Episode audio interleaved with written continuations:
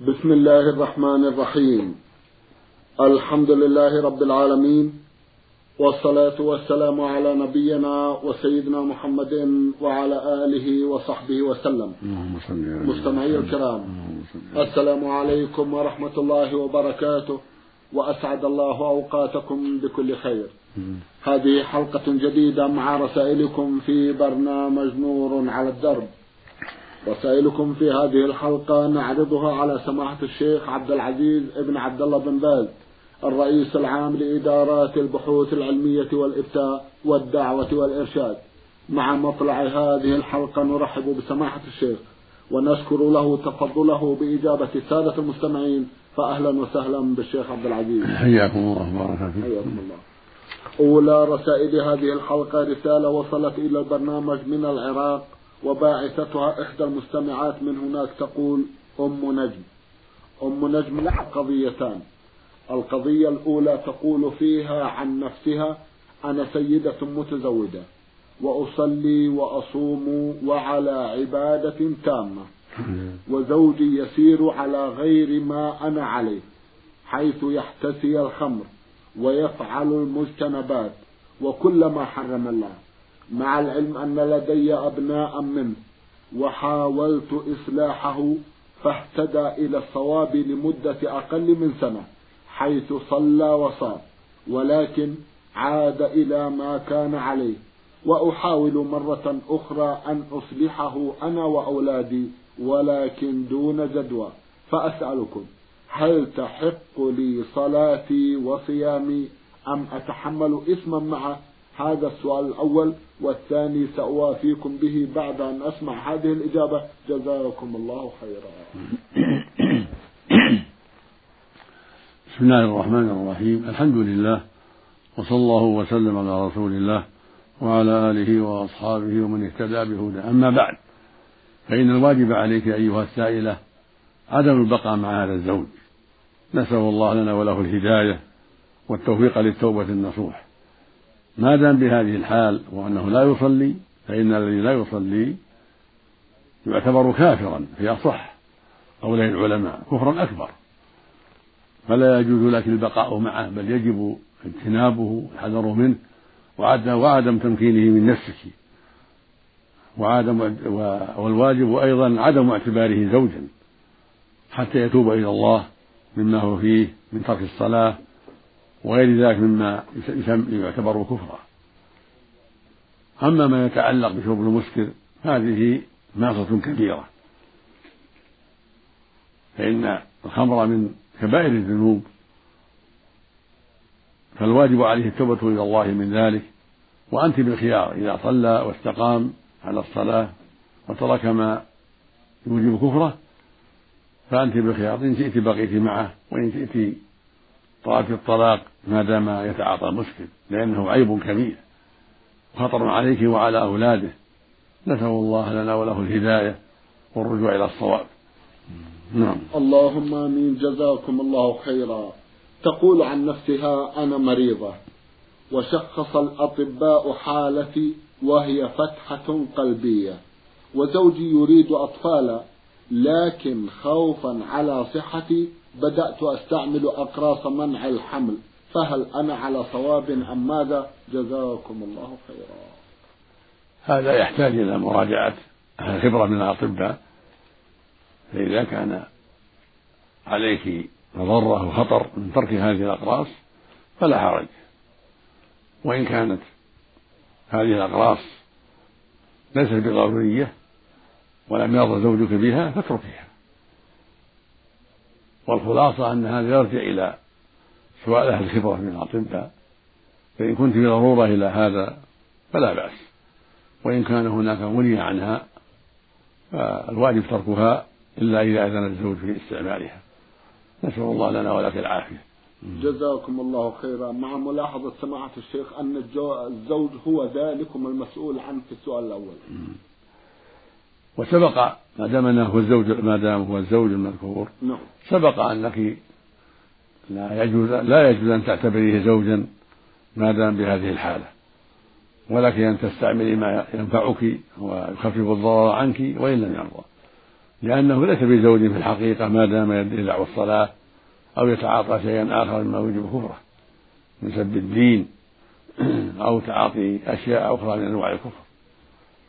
أما شرب المسكر إذا لم يستحله ولكن فعله ويعلم أنه حرام وفعله طاعة لهواه فإنه يكون بذلك عاصيا وفاسقا ولا يكون كافرا. ولكن لك كما تقدم طلب الطلاق. أما إن استحله يرى أنه حلال وأنه لا بأس به يكون كافرا بذلك نسأل الله العافية. نعم. جزاكم الله خيرا. المستمع عصام محمود سليم سأل مجموعة من الأسئلة عرضنا معظمها في حلقة مضت. وبقي له في هذه الحلقة سؤال واحد يسأل فيه عن قول يتداوله الناس ألا وهو الجنة تحت أقدام الأمهات. هل هذا القول حديث وهل هو صحيح أو لا؟ ورد فيه حديث ولكني لا أذكر الآن حال إسناده. يحتاج إلى مراجعة إسناده ويكون الكلام عليه في حلقة أخرى إن شاء الله. يعاد في حلقة أخرى. نعم. جزاكم الله خيرا. من المستمع إبراهيم الشلاش من سوريا رسالة وضمنها قضية يقول فيها عن أنس بن مالك رضي الله عنه أنه قال قال رسول الله صلى الله عليه وسلم من صلى ليلة الاثنين عشر ركعات يقرأ في كل ركعة فاتحة الكتاب مرة. وآية الكرسي مرة. فإذا فرغ من صلاته يقرأ سورة الإخلاص ثنتي عشرة مرة. فينادي مناد يوم القيامة. أين فلان ابن فلانة؟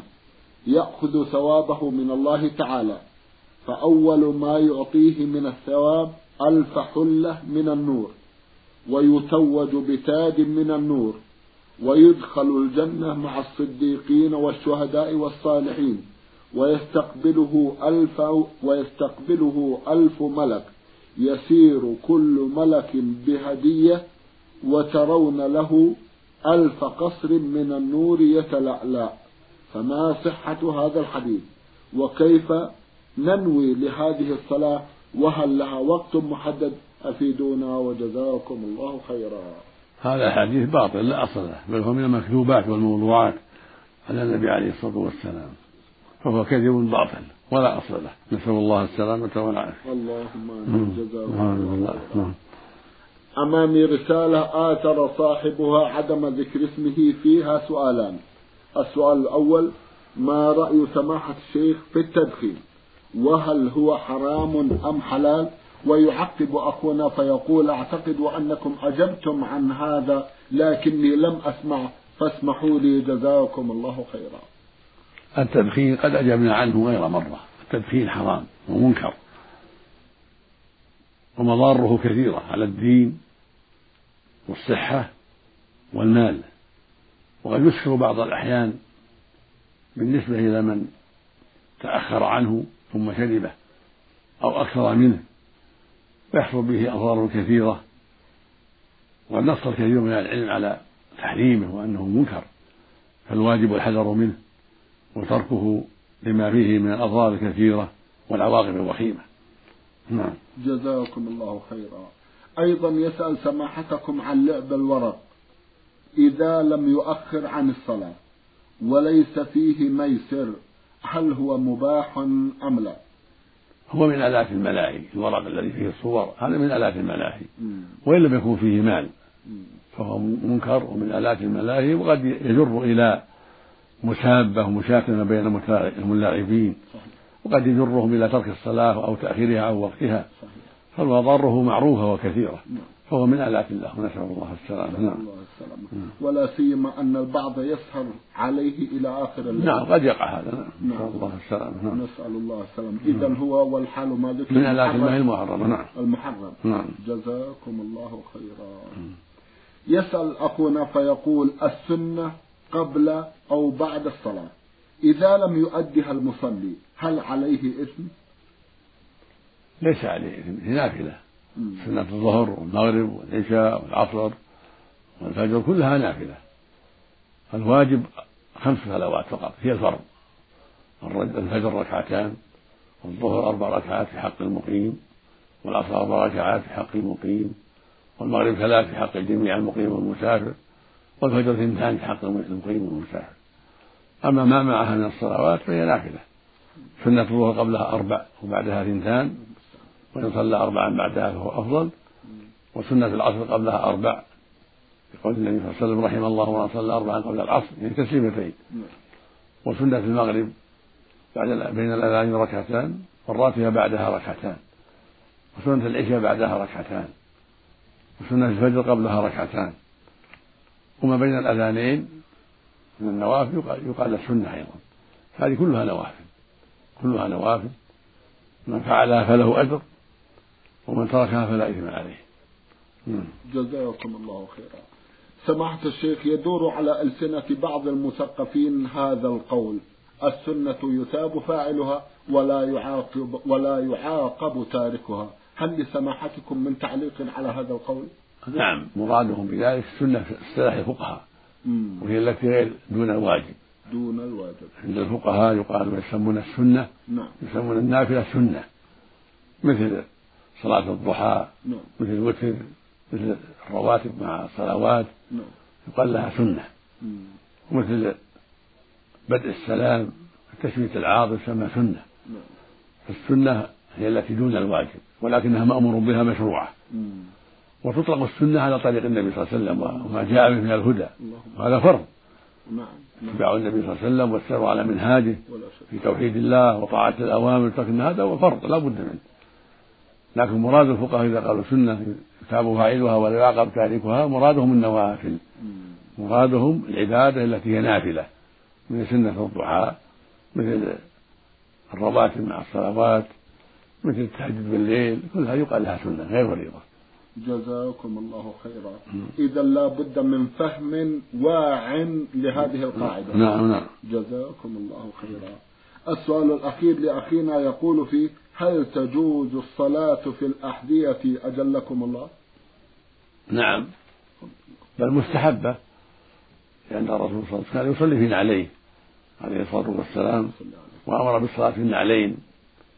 وأمر بمخالفة اليهود بأن لا يصلوا في نعالهم ولا في خفافهم لكن بعد أن ينظر فيها قبل دخول المسجد حتى تكون سليمة ليس فيها أذى. فإذا كانت سليمة ليس فيها أذى فالأفضل الصلاة فيها.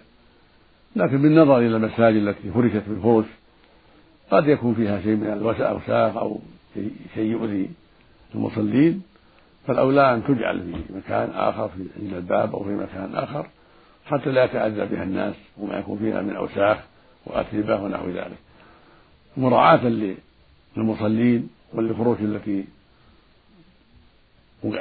وضعت في المساجد حتى لا يحصل لها تقرير ولا يحصل للمصلين تنفير لهم من الصلاة في الجماعة. جزاكم الله خيرا. إحدى الأخوات المستمعات بعثت برسالة ورمزت إلى اسمها بالحروف ألف فاء ألف. أختنا لها سؤالان. في سؤالها الأول تقول أشعر بالخوف والرعب أحيانا عندما أنام بمفردي في الحجرة أو في غرفتي. فأضطر إلى تشغيل القرآن. من أجل أن أنام على آياته. فهل هذا جائز؟ أفيدوني أفادكم الله. لا لا في هذا حرجا لأن القرآن أنس المؤمن. وذكر لله عز وجل فاستماعه عبادة فإذا احتاج الإنسان ليستمعه ليزيل الوحشة وليستريح قلبه فلا حرج في ذلك والحمد لله. الحمد لله. جزاكم الله خيرا. تقول والدتي منعتنا من زيارة أقاربنا الذين ينتسبون لوالدي بسبب بعض الخلافات التي حدثت بينها وبينهم. ومنها عدم زيارة تقول والدتي منعتنا من زيارة أقاربنا الذين ينتسبون لوالدي بسبب بعض الخلافات التي حدثت بينهما ومنها عدم زيارتهم لنا وانقطاعهم عن زيارتنا إلا إذا دعوناهم نحن لمناسبة. فهل نأثم على ترك زيارتهم؟ طاعة لوالدتي لأن طاعة الوالدين واجبة. أفيدونا عن هذا الموضوع؟ جزاكم الله خيرا. طاعة الوالدين واجبة في المعروف وصلة الرحم واجبة أيضا. صلة الرحم واجبة بالكلام الطيب وبالزيارة وبالصدقة وبالهدية. فالواجب على والدتك ألا تمنع من زيارة الأقارب كالأعمام أعمام الأب. وأخوال الأب فإن أعمام الأب أعمام لكم وأخواله أخوال لكم وأبوه جد لكم. فليس لها أن تمنعكم من صلاة الرحم؟ التي ليس فيها محذور ولا منكر.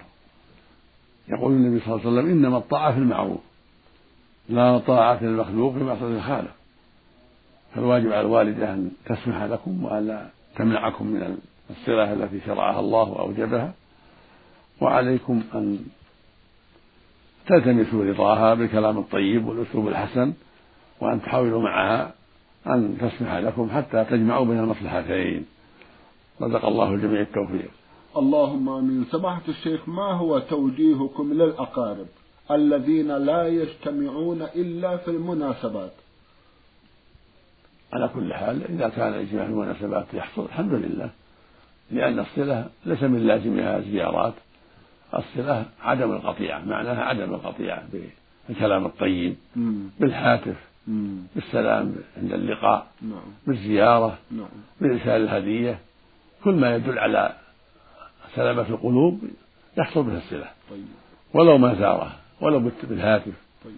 ولو بوصية السلام مع بعض الأصحاب على كل حال الصلة ضد القطيعة فقد يستطيع بعض الناس الزيارة وقد لا يستطيع بعض الناس الزيارة نعم. لكن إذا وصلهم بالكلام الطيب من طريق الهاتف من طريق التلفون أو من طريق المكاتبة أو من طريق تحميل بعض الأصحاب السلام أو من طريق الزيارة أو من طريق الهدية ونحو ذلك كل هذا يسمى صلة جزاكم الله خيرا.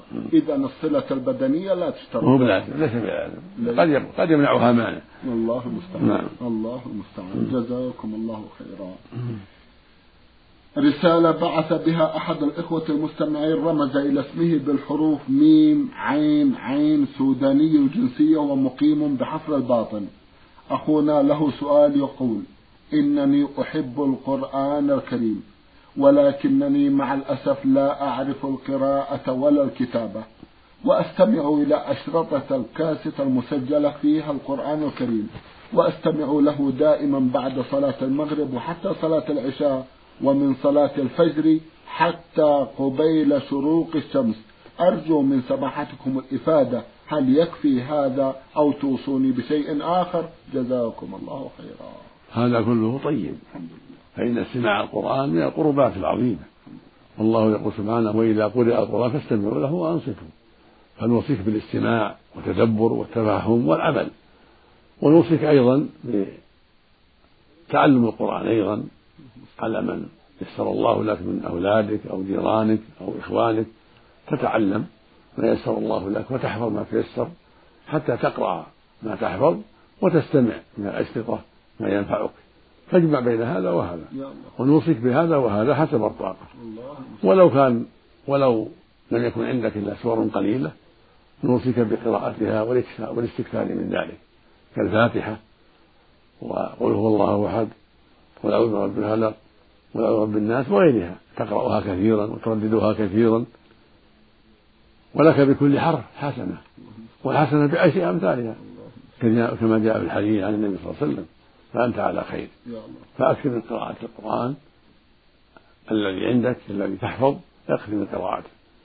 واستمع من الأشرطة ما ينفعك أيضا بكتاب الله عز وجل وأنت على خير عظيم. وفقنا الله وإياه. اللهم آمين. جزاكم الله خيرا. يقول سماحة الشيخ في سؤال آخر. لي خالة تجاوزت العقد الثالث من عمرها لكنها لا تصلي. بالرغم من أنها طيبة المعشر حميدة الخصال. ولقد أمرتها ولكن لم تمتثل لأمري. فما هو توجيهكم نحوها وما هو توجيهكم لها؟ جزاكم الله خيرا. الواجب عليها أن تصلي لأن الصلاة عمود الإسلام. وهي فرض على كل مسلم ومسلمة. وهي الركن الثاني من أركان الإسلام الخمسة. قال الله جل وعلا حافظوا على الصلوات والصلاة الوسطى. قال سبحانه وأقيموا الصلاة وآتوا الزكاة وأطيعوا الرسول لعلكم ترحمون. وقال جل وعلا قد أفلح المؤمنون الذين هم في صلاتهم خاشعون. إلى أن قال في آخر الآيات والذين هم على صلواتهم يحافظون. أولئك هم الوارثون. الذين يرثون الفردوس هم فيها خالدون. وهذا يعم الرجال والنساء جميعا. وقال النبي صلى الله عليه وسلم رأس الأمر الإسلام وعموده الصلاة. قال عليه الصلاة والسلام العهد الذي بيننا وبينهم الصلاة فمن تركها فقد كفر. الواجب عليها أن تصلي الصلاة الخمس وأن تحافظ عليها في أوقاتها. وعليكم أن تنصحوها دائما وعلى أبيها وأمها وأمامها وأخوالها وإخوتها عليهم أن ينصحوها. وأن يجتهدوا في ذلك لأن هذا واجب الجميع وإذا أصرت فالواجب تأديبها من أبيها وإخوتها الكبار ولو بالضرب حتى تستقيم حتى تصلي. لأن من ترك الصلاة يستتاب فإن تاب وإلا قتل كافرة. نسأل الله العافية. من الرجال والنساء. فالواجب عليها أن تستمع. أمر الله وأن تبادر وأن تبادر الصلاة وعلى أقاربها ينصحوها وعلى أبيها أو جدها أو أخوتها الكبار. أن يقوموا عليها في ذلك بالصدق والقوة ولو بالتأديب والضرب حتى تستقيم. وينبغي أيضا هجرها إذا كان الهجر ينفع. تهجر كعدم الكلام معها وعدم السلام عليها وعدم زيارتها لكن الأب ونحوه ما يكفي من هجر بل يجب أن يقوم بما يجب من التأديب والإلزام أبيها وكذا جدها كذا أخوها. المقصود أن على الأقارب العناية بهذا الأمر والنصيحة لأن هجرها قد يسبب بقاءها على حالها الباطلة لكن العناية بها والحرص على استقامتها هذا هو الواجب على الجميع. ولو بالتأديب والضرب من أبيها أو أخيها الكبير حتى تستقيم حتى تصلي. نسأل الله لنا ولها الهداية اللهم آمين. جزاكم الله خيرا. سماحة الشيخ ما هو توجيهكم إذا كان لهذه المرأة زوج؟ زوجها إذا كان يصلي ما يحل لها أن تبقى معه يجب أن يفارقها. إن لم تهتدي ولم تتب عليه يفارقها لأن ترك الصلاة كفر أكبر. فعليه أن يفارقها بكلية حتى تتوب. وفي إمكانه أن يؤدبها أيضا. نعم. أن يؤدبها على ذلك لأن هذا من المنكرات العظيمة. فإذا أدبها لحقه وعصيانه عصيانها له فتأديبها لحق الله الذي هو أهم أهم الواجبات وأعظم الفروض بعد التوحيد وهو الصلاة أمر مهم. نعم. جزاكم الله خيرا. سماحة الشيخ ما هو رأيكم في الهدية في بداية الأمر؟ لمثل هذه. إذا كان قريبها أو زوجها يرى أن إعطاءها شيء من المال يعين على ذلك يفعل. لا بأس. بارك الله هذا من باب الإعانة على الخير إذا أهدى إليها شيئا أو أهدى إليها أخوها أو ابن أخيها أو أختها هدية من المال لتهتدي. هذا طيب. بارك هذا من التأليف من تأليف القلوب. الله المستعان نعم. الله المستعان جزاكم الله خيرا. ننتقل بعد هذا إلى المملكة الأردنية الهاشمية عمان عبر رسالة وصلت إلى البرنامج من المستمع همام العبادي فيما يبدو. الأخ همام له سؤال يقول أهدى قريب زوجتي لنا هدية. فلما رأيتها قلت علي الحرام لا تدخل بيتي. فأبقوها عند الجيران وفي اليوم الثاني أدخلت إلى بيتي واستعملناها واستفدنا منها. ما هو كفارة ذلك القول؟ جزاكم الله خيرا. أولا هذا القول لا يجوز. تحريم الحلال لا يجوز. عليك التوبة إلى الله من ذلك. الأمر الثاني على حسب نيتك. إن كنت قصدت الامتناع منها ولم تقصد تحريم زوجتك ولا طلاقها فعليك كفارة يمين والحمد لله. يطعم عشرة مساكين أو كسوتهم عشرة. كل واحد له نصف الصاع من التمر أو الرز أو الحنطة. كيلو ونصف كل واحد. أما إن كنت أردت تحريم الزوجة فعليك كفارة الظهار. وهي عتق رقبة مؤمنة فإن عجزت تصوم شهرين متتابعين ستين يوما. فإن عجزت تطعم ستين مسكينا ثلاثين صاعا قبل أن تقرب زوجتك. كن صائم الاثنين يعني كل صاع ثلاث كيلو. كل نصف كيلو له كيلو ونصف. من قوت البلد من تمر أو غيره أو أو حنطة أو أرز أما إن كنت أردت الطلاق أردت أنها إذا دخلت بيتك تكون امرأة طالق فإن يقع بها طلقة واحدة إذا كنت أردت الطلاق. وتراجعها بها تشير اثنين من إخوانك الطيبين تشير أنك راجعت زوجتك الخلاصة أن لك في هذا ثلاثة أمور.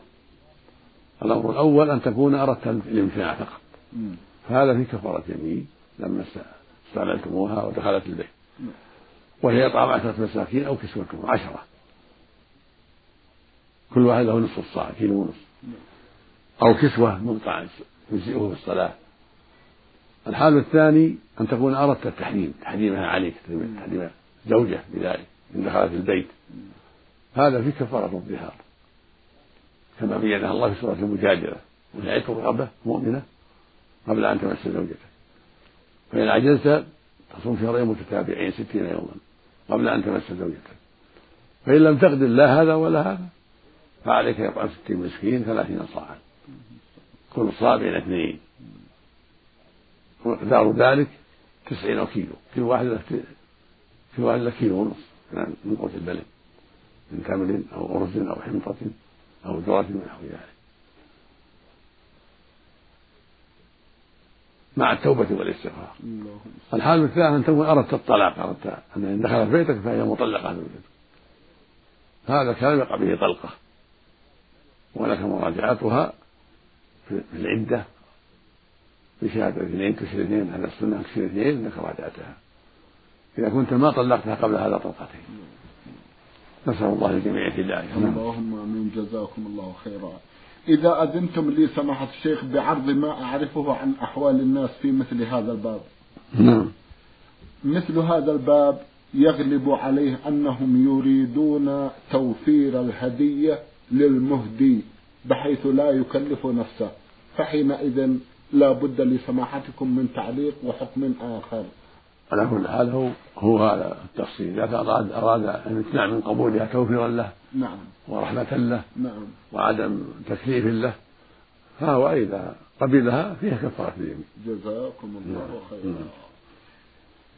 السؤال الأخير الذي يسأله أخونا همام يقول هل يجوز الأخذ من اللحية وتهذيبها بحيث تصبح نصف قبضة؟